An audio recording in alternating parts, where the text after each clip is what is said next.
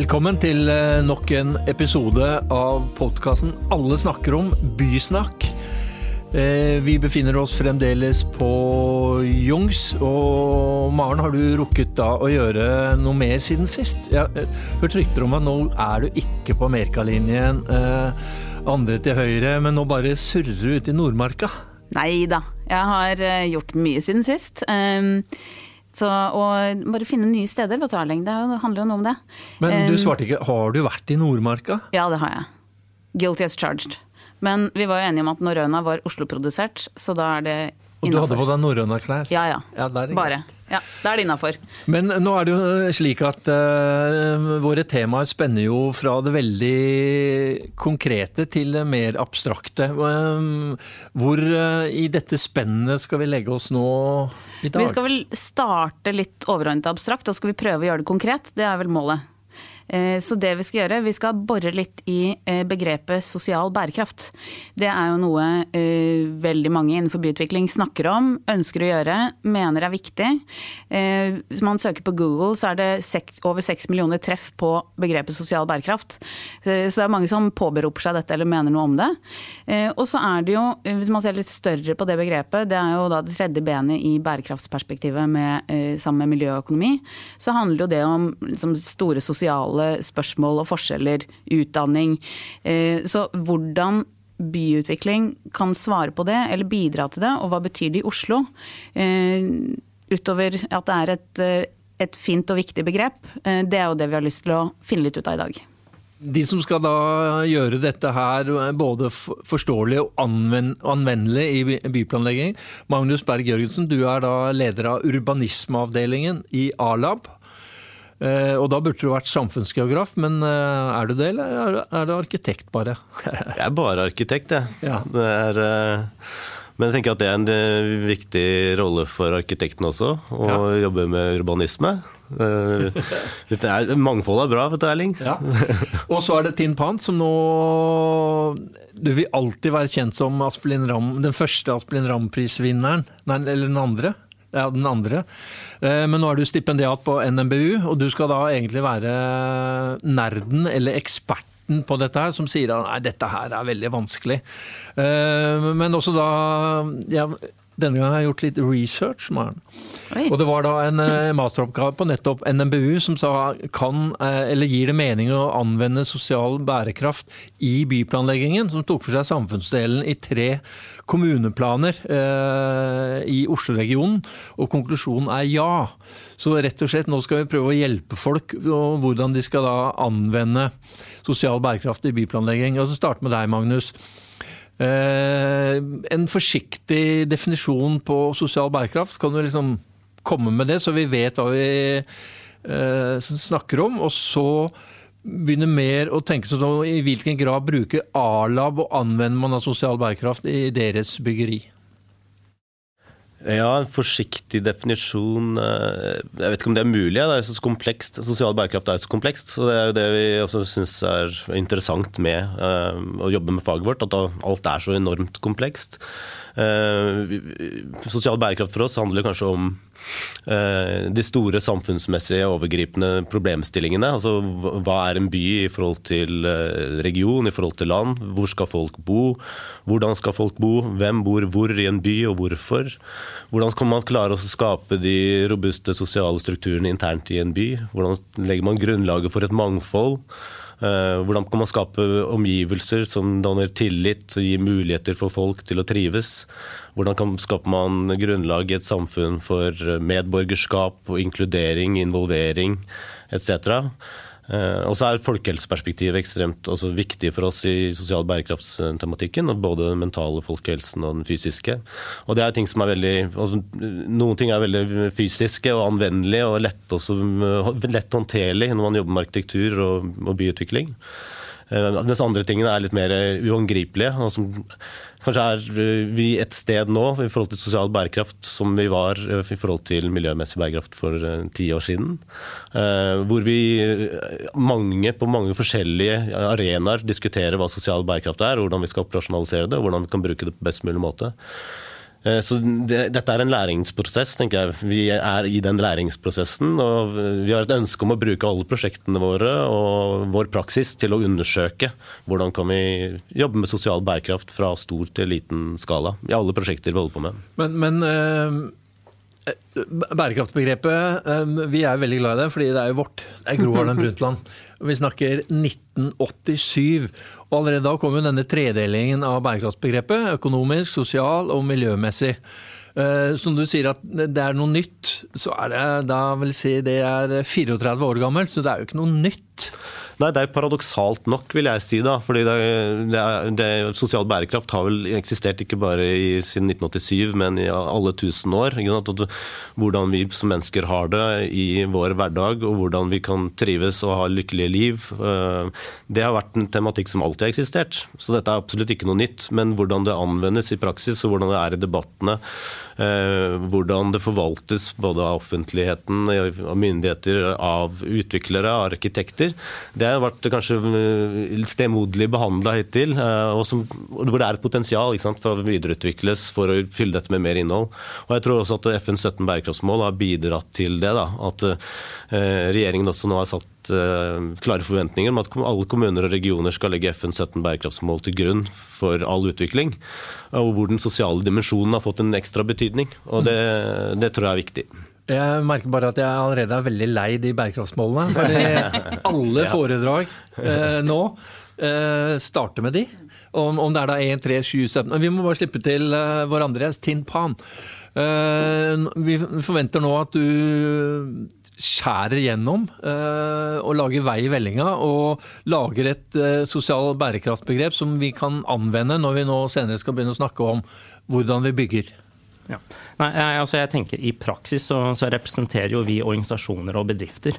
Og Da fant jeg en definisjon som er litt lettere og håndterbart.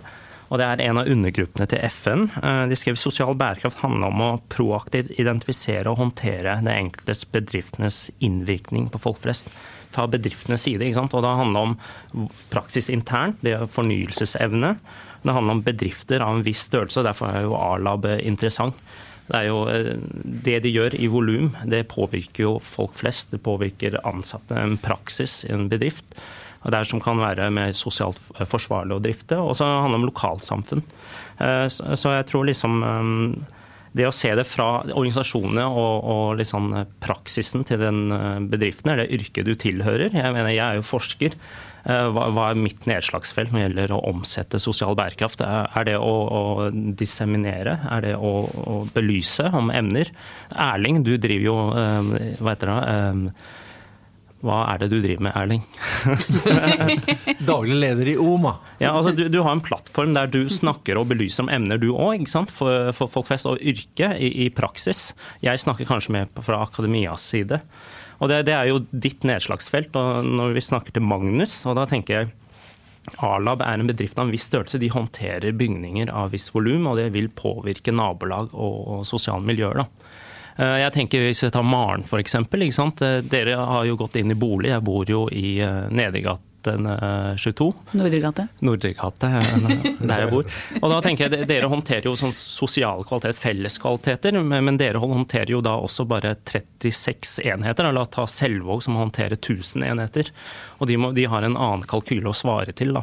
Mm. Er sånn... Men er du misfornøyd med bostedet ditt i Nordregata? Du vil nei, ta det opp med utvikleren? Nei, jeg syns det er et flott sted å bo, men, men, du håndterer sosiale kvaliteter øh, for 36 stykker. Øh, det er, det er begrenset, og dere kan gjøre mye mer med det. ikke sant? Dere kan leke litt mer og sette en standard, men det er en standard kanskje de som håndterer boligen i volum, ikke kan etterfølge en, en sosial det, agenda. Men det som, er litt, som jeg lurer litt på, er sant, man kaller det sosial bærekraft, eller man jobber innenfor det og hva man kan påføre påvirke folk. Og det er jo en, en, litt tydeligere definisjon, men det er jo også Sosial bærekraft handler jo om veldig mange Eh, spørsmål som egentlig er eh, offentlig myndighet eh, som må legge rammene for, altså, eller må legge grunnlaget for, men at man i byutvikling kan skape rammene for det. Men hvis man snakker om eh, sosial eh, utjevning, utdanning, eh, trygge bomiljøer, det kan man bidra til delvis, men det, er, men, det er, ganske mange ting her som også liksom Folkehelse. det er jo også delvis arkitekturen, men det ligger noen sånne overordnede rammer som det er et samspill for å få til dette, som er ganske store, store spørsmål. men Det, det, vi har litt lyst til å se på også, er jo i de konkrete prosjektene. Da. Hvordan, hva er det man egentlig kaller sosial bærekraft? At det blir mer enn bare at man, liksom, man kan jo strekke det og si ja, vi har hatt en med, litt kreativ medvirkningsprosess. Er det sosial bærekraft? Eh, det, det blir fort et litt sånt ullent begrep innenfor byutvikling. Hva man egentlig skal eh, oppnå, og hvordan man gjør det. Men det er jo det vi skal gjøre noe med. Men jeg tenker sånn, eh, noe av det viktigste med sosial bærekraft eh, må jo være å bekjempe sosial ulikhet. Mm. Og da tenker jeg eh, som et av våre mest fremoverlente arkitektfirmaer. Hvordan kan A-lab gjennom sin arkitektur, og dere er jo underleverandør, dere selger jo timer, være med å bekjempe sosial ulikhet? Altså jeg tenker også da jeg møter med en utvikler, eh, så vil alt være sosial bærekraft. Selvfølgelig retorisk. Men så ser du på Excel-ark, du ser på kalkyler, du ser på økonomien. Og så ser jeg hvor blir det igjen av sosial bærekraft i et byggeri? Altså sånn, har Arlab har dere eh, bygget noe nå som dere er eh, kan si check på også at dette fungerer da sosialt utjevnende? Dette er da sosial bærekraft i praksis? Som har dere ja, absolutt. Altså, men uh, jeg tenker at arkitekter i sin praksis hittil har jo vært fokusert veldig mye på det fysiske. Og, det, og der kan man jo jobbe med sosiale og bærekraftige løsninger. Og, og det gjøres jo i alle prosjekter som har, innehar en uh, høy kvalitet. Uh, hvor man skaper rammene for et godt liv, gode møteplasser, gode Eh, overgangen mellom hva som er offentlig privat, hva som er halvprivat, eh, steder hvor alle kan være og bruke hele året igjennom etc. Det er jo en sånn tilnærming for forhold til hvordan man kan jobbe med steder og aktivisere steder og skape arenaer hvor folk kan møtes, og som er ganske tydelige.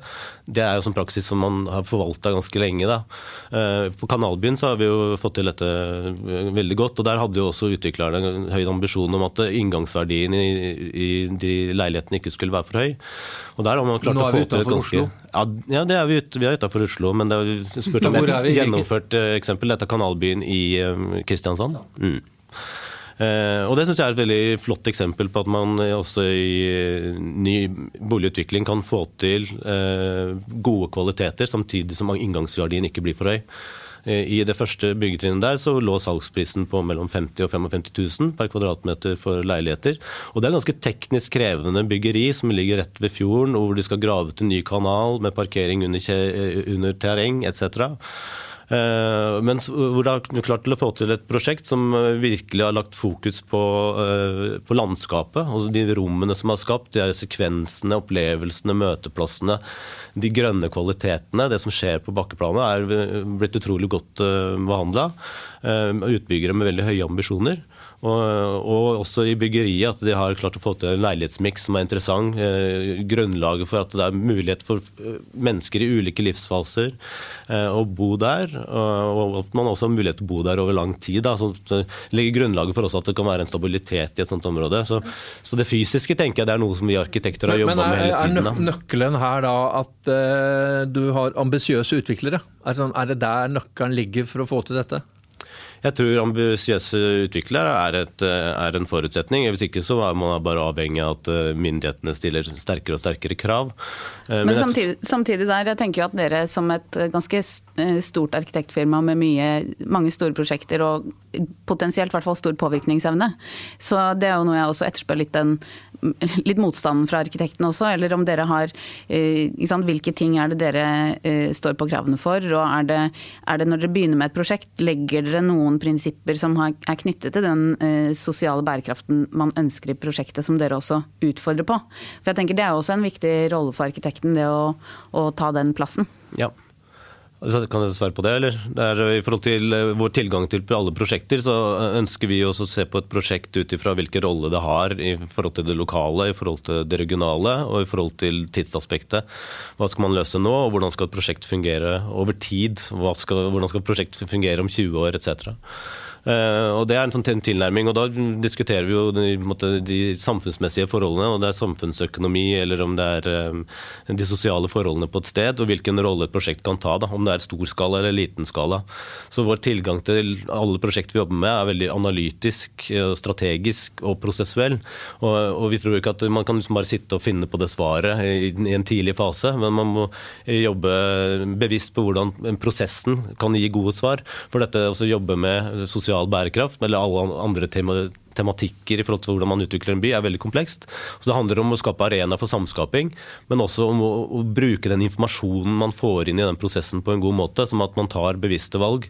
Og Jeg tror ikke at ambisiøse utviklere er en mangelvare. Jeg opplever de fleste utviklere som veldig ambisiøse. Så jeg tenker at det handler egentlig om å etablere erfaringsgrunnlag og praksiser som gjør at det, det er lettere å ta gode beslutninger underveis i en prosess. Men, men det Maren spurte om, var jo egentlig hvilke ambisjoner har dere? Og hvis en utvikler ikke har det, så sier dere bare uh, pardon my language, fuck off. Ja, vi er jo, Våre ambisjoner på et overordnet nivå er å bidra til å skape fremtidens bærekraftige samfunn, ikke, ikke jo, mindre jo, fluffy enn det. Mye områder, men uh, ja. ting. Nei, altså Jeg bare kommer tilbake til det Maren sa. ikke sant? Det er, det er, alt hviler jo ikke på utvikler og arkitekter alene. Det er noen føringer som ligger overordnet, og det er det spørsmålet da hva er det som ligger innenfor vår rekkevidde i vår praksis til å gjennomføre altså, som er av sosial bærekraftig karakter. da. Eh, og så tenker jeg, Vi jobber med det bygde, vi jobber jo fundamentalt med det fysiske. Så det er jo hva heter det, material, miljømessig bærekraft som hovedsakelig er vårt domene.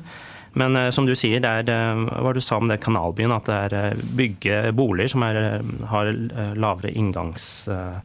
Og det, da tenker jeg, da har det ringvirkninger for sosial bærekraft. for Det gjør jo at folk flest kan komme lettere inn i boligmarkedet. Og Hvis man ser sosial bærekraft i forhold til vår praksis, at det har ringvirkninger av de tingene vi gjør fysisk. og Det er jo vårt domene, der vi bygger fysiske ting. Og Det er ting som er utenfor vår rekkevidde, som du ikke kan kreve av en arkitekt. da. Du kan ikke kreve av en arkitekt det samme som kreve av en politiker. For det er jo innenfor deres natur å snakke eh, ting som er tett opp mot sosial bærekraft. Da. Men du sa også at eh, det er enklere for mindre prosjekter og mindre utviklere, og at jo større volum eh, du bygger, jo vanskelig er det å implementere sosial bærekraft. Skal vi egentlig bare sette tak på hvor mange boliger du får lov til å bygge? Nei, nei. Men... Si til Daniel Serai bare dere får bygge 200 boliger i året. Nei. Nei, altså jeg tenker eh, Hvis du ser på naturen av det å være en eiendomsutvikler, besitter eller forvalter, og da jobber du med det er finansielt drevet. Og, og, jeg tenker Da kan du se på hele portfolioen, hvordan de driver. Dere har en viss mengde prosjekter.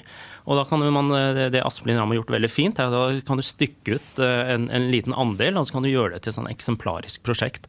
Hvis du skal ta den samme logikken der over på 2000 boliger, eh, så kan du ikke ha den samme ambisjonsnivå. Du må løse ting litt annerledes. Stikker ikke ut en andel, alt er eh, eksemplarisk. Alt skal være eksemplarisk, ifølge Aspen Ramm. Eh, men du, du, skjønner hva jeg mener. Ja, ja. Det, er litt sånn fag som er finansielt, det, da må du tolke om dine praksiser, hvordan du skal gjøre det til sosialt bærekraft. Og da tenker jeg, Du nevnte Asplin Ramm-prisen, og noe av det jeg så på da, var jo fremleie. Hvordan kunne det være sosialt bærekraftig? Fremleie er jo, bare, eh, det er jo det du tjener inn på å bare drive videre leie. Og det var noen som gjorde det bedre, men de kuraterte også sosiale miljøer. da, Som kunne igjen eh, generere ny kunnskap i hver enkelt bedrift som leide hos dem. Men når man kommer inn på det som gjelder bolig, inngangspriser til boligmarkedet og den type ting, så er man jo også på overordnet regelverk, eh, markedskrefter og økonomi, som er ganske komplekse spørsmål. Sånn at det er jo litt den, hvordan kan det bygde miljøet uh, legge de beste rammene? Hva, hvilke krav skal man stille? Uh, og hvordan tar man med, hvis man kjører en medvirkningsprosess eller involvering, eller hvordan man gjør det, hvordan, hvordan får det uh, fysisk avtrykk i det endelige prosjektet? og hva er det vi egentlig tenker på som den sosiale bærekraften? Det er jo liksom litt å komme til litt konkret da, hvis man har et prosjekt. Hva er det man egentlig legger i det? Men jeg tenker Magnus uh, svarte på det. Det viktigste altså da, fra meg som samfunnsgeograf er jo møteplassene. Mm. At, uh, og da blir det en jeg lovte aldri å nevne Jan Gehl, men livet mellom husene. Men altså, eh, det der at man faktisk da starter et prosjekt, planlegging av et prosjekt med møteplassene. Hvor er det man faktisk skal møtes, og hva er det man skal gjøre der? Og så lager man byggeriene sine rundt det. Som er en sånn klassisk måte å gjøre det på. Eh, så det er én ting. Men også eh, hvis det er sånn at man skal bekjempe sosial ulikhet, veldig viktig at man da får relativt rimelige boliger. I Norge selveiermodell, ikke klusse med markedskreftene. Og da er det jo grenser for hvor billig man kan bygge boliger. Er det ikke det, Magnus? Altså sånn, du kan si da framfor 110 000 kvadratmeteren på Sørenga, så kan du kanskje da litt lenger ut gå ned 80 70, men altså sånn, eh, hvis du skal eh, anvende denne sykepleierindeksen, så er det veldig få nye boliger som da vanlige folk som da type er sykepleiere har råd til. Og min kjepphest, hvordan bygger man det med kvalitet? Ikke bare senke kvaliteten og prisene? Ja, absolutt. For det kan du si, Hvis du skal følge markedslogikken, så er det eneste som er prisregulerende å bygge dårlig kvalitet. Og det er jo heller ikke ja. så veldig interessant. Så eh, det er eh, altså Jeg tror ikke jeg har noe svar på det, men jeg syns det i forhold til diskusjonen om hvem som har tilgang til byen, burde kanskje snus litt på hodet. da, og Prøve å beskrive hvilken virkelighet vil vi ha. Hvordan skal bydelene våre se ut, og hva slags type befolkningssammensetning ønsker vi at byen skal ha. Og så må man finne de svarene. Altså, det er rett og slett Om det handler om, eh, om, om politikk eller hva slags type praksiser man utvikler. Eller at det handler om å eh, videreutvikle en tredje boligsektor og se på hva slags effekt eh, det kan ha i forhold til boligmarkedet. Altså, vi tror ikke vi finner svarene på det, men jeg tror heller ikke at boligdebatten har tjent med at man bare fokuserer på at det eneste prisregulerende mekanismen man har, er å produsere masse boliger. Altså, I forhold til sykepleierindeksen, hvis målet er at man skal faktisk at sykepleier, enslig sykepleier skal ha råd til en bolig i Oslo, så uh, skal det ut, bygges ut ganske mye, altså helt sinnssyke mengder med boliger for å klare å regulere prisnivået, at det faktisk er mulig. Nå er det vel 4% 3 eller 4% av boligene i Oslo en eh, enslig sykepleier har råd til, mot 57 i Kristiansand. Uh, og så kan man si at ja, ja, men Kristiansand har vært mye flinkere til å bygge masse boliger.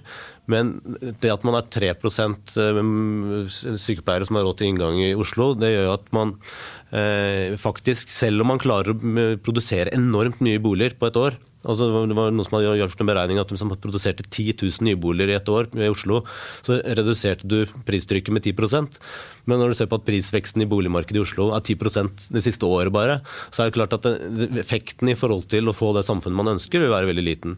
Så jeg tenker at den debatten Men nå er det over til at uh, ting er veldig vanskelig. Altså, vi nei. skal gjøre det vanskelig nei, nei. lett, vi. Ja. Tinn. Nei, nei, altså det, det, er kanskje poenget jeg prøver å understreke her, at uh, Maren og Magnus har svart på dette, er jo det ligger dypt forankret i praksiser. ikke sant? Og du sier eh, Gro Harlem Brundtland introduserte dette her på 90-tallet, og dette er ikke noe nytt, den Det som er nytt, er kanskje kompleksiteten.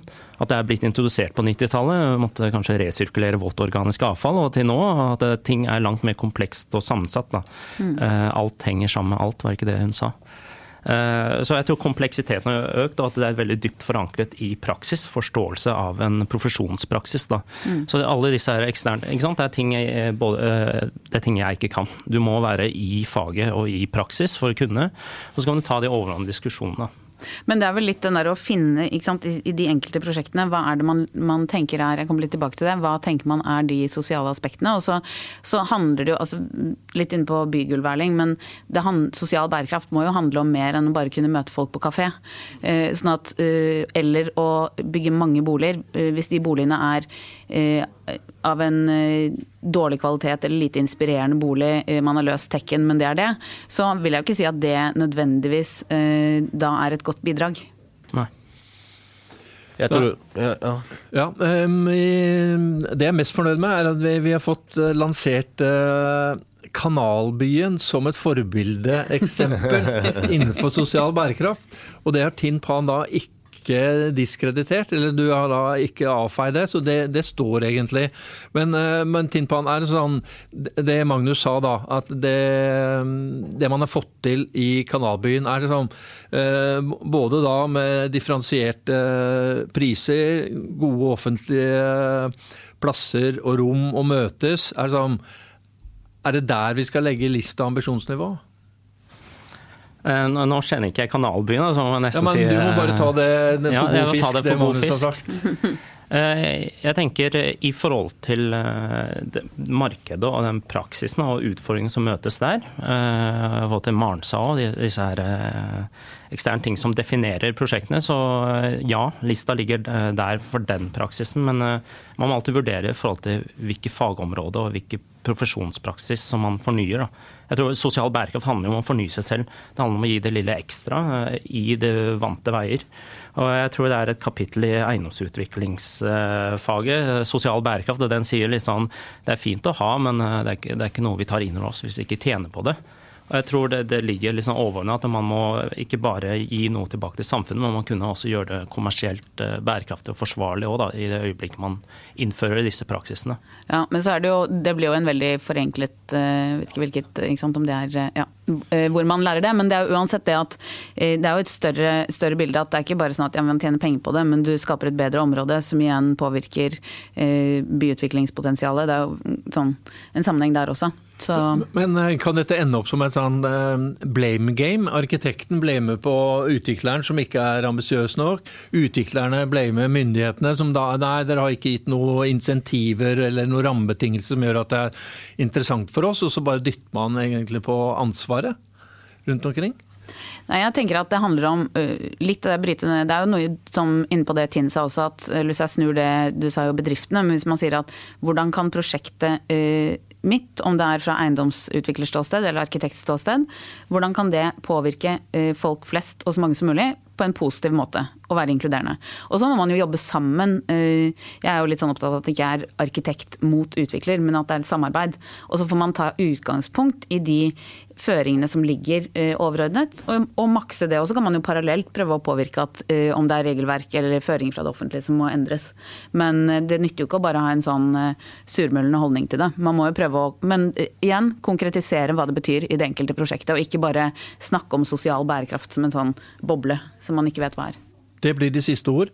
Eh, og så skal alle dere som eh, hører på nå, eh, sjekke opp Kanalbyen og se da om det er da forbildeeksempel for sosial bærekraft. Og hvis det er det, så skal dere da bare kopiere det. Ikke copy-paste, men tilføre en egen unik kontekstualitet. Eh, Magnus tar oss med på studietur. Det er gjerne. Eh, fint. Da er vi enige om det. Studietur til Kanalbyen. Eh, alle, alle, som vil kan få lov til å være med.